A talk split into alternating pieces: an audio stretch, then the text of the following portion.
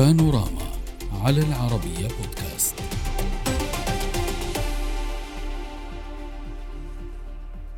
بالتزامن مع حالة الهدوء الزلزالي الذي أو التي تشهدها مناطق تركيا وسوريا حاليا. تصاعدت حدة الشائعات والمخاوف من زلزال مدمر قد يصيب المنطقة العربية.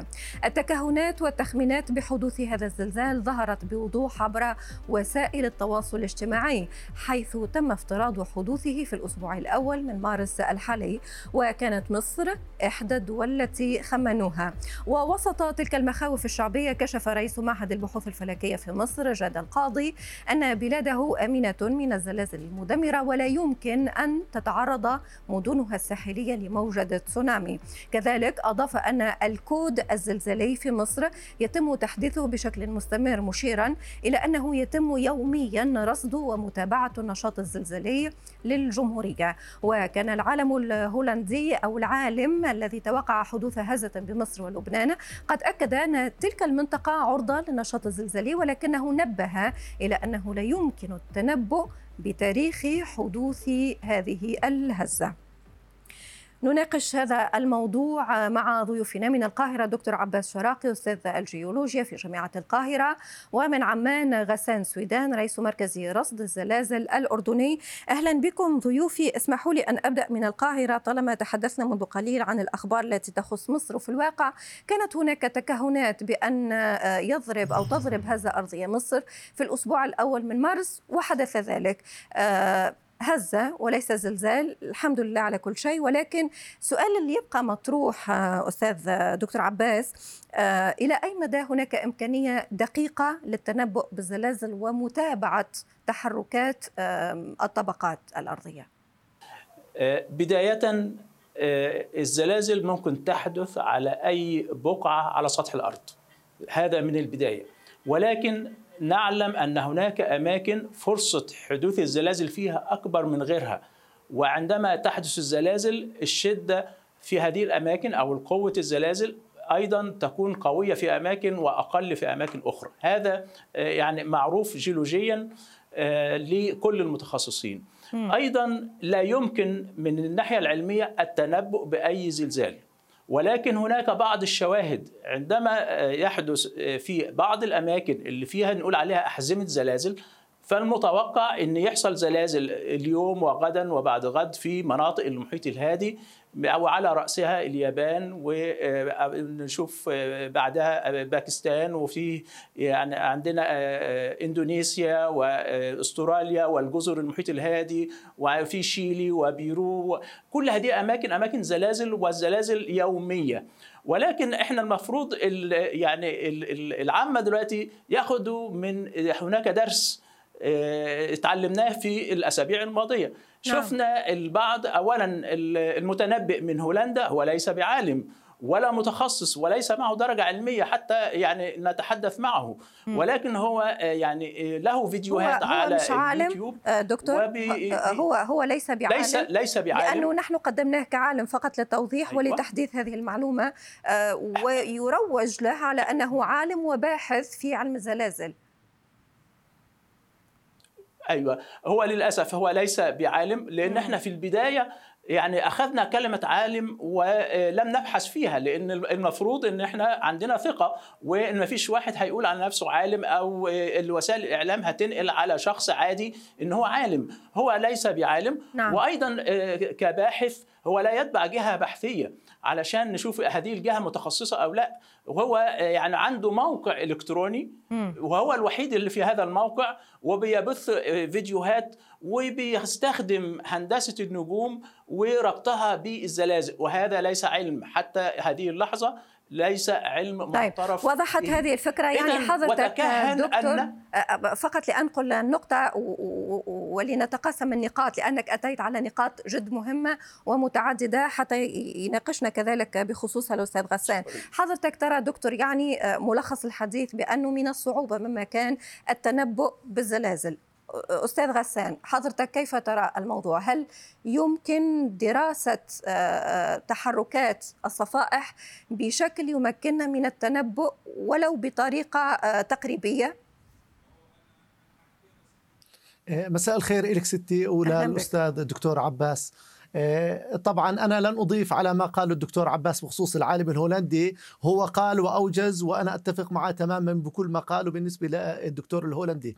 آه، بالنسبة إلى حركة الصفائح نعم نحن نعلم طريقة حركة الصفائح واتجاهاتها ونراقبها. وبعد كل زلزال أنت بتعرفي لما يكون في زلزال كبير فهو هذا الزلزال آه، قادر على زيادة سرعة آه، حركة الصفيحة. فهناك أجهزة آه، مثبتة نسميها أجهزة الرصد آه، الموقعي وهي أجهزة بالليزر وهي دقيقة جدا تقيس بالمليمتر. ونعرف كم سرعة واتجاه الصفيحة هذه. ومن بعد الزلزال من مواقع المحطات الزلزالية نعرف نوعية الحركة على هذا الفالق. ولكن كلمة تنبؤ تعني أنني سوف أعلم مكان ووقت وقوة الزلزال وهذا علم ليس صحيح. نعم هناك ناس يبحثوا فيه ويحاولوا أن يجدوا بعض الشواهد أو بعض الثوابت ويربطوها في بعض آه، في الكواكب في النجوم بالأمطار بالرياح.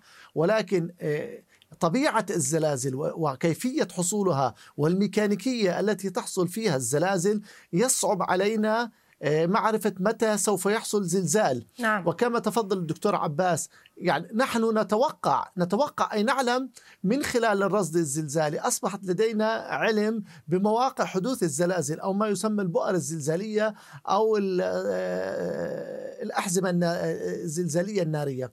يعني عندنا في الوطن العربي خلينا نقول على فالق البحر الميت اللي بمر في الأردن وفي سوريا وإلى جنوب تركيا آه، نحن نعلم أنه منطقة خليج العقبة فيها نشاط زلزالي وهو نشاط معتدل يعني من نسجل وبشكل يومي وبشكل دوري ولكن هذه زلازل تعتبر حركة طبيعية إلى سطح الأرض نعم. إلى سطح الكرة الأرضية. ولكن موضوع أني أنا أقول لك في وقت فلاني أو أي إنسان أو عالم فهذا فهذا صعب, صعب وغير ممكن. ولم تثبت هذه. أي ولم تثبت حتى الآن. طيب نعم دكتور صحيح. عباس آه إن كان آه ليس بإمكان العلم أن يحدد آه نقطة آه, آه، الزلزال وتاريخه آه هل يمكن الحديث عن منطقة؟ اليوم هناك الكثير من الأخبار. في الواقع وفتحت جدلا كبير شائعات يروج لها البعض بأن هناك زلزال قد يضرب المنطقة العربية. حضرتك كيف تتابع هذه المعلومة؟ ما مدى دقتها؟ ما مدى إمكانية حدوثها؟ يعني أنا عايز يعني أوضح إحنا شفنا الأسابيع الماضية التوقعات أو التنبؤات سواء من المتنبئ الهولندي أو من أحد المتخصصين في العراق اللي ربط ما بين حركة الكواكب والقمر وحدوث زلازل وذكر أن هناك زلزال يوم 8 يعني ده في الغالب على أساس أن قوى الجذب للكواكب والقمر هتكون أقوى بالنسبة للكرة الأرضية. إحنا الأول زي ما حضرتك ذكرت في البداية الأسبوع الأول من هذا الشهر اللي هو كان بي يعني بيحذروا منه كان هو الأهدى على الإطلاق. حتى النهارده اليوم ما فيش ولا زلزال في تركيا شدته فوق الأربعة. يعني الزلازل اللي حصلت كلها يعني أقل من أربعة ريختر وهذا يعني لم يحدث من قبل منذ 6 فبراير.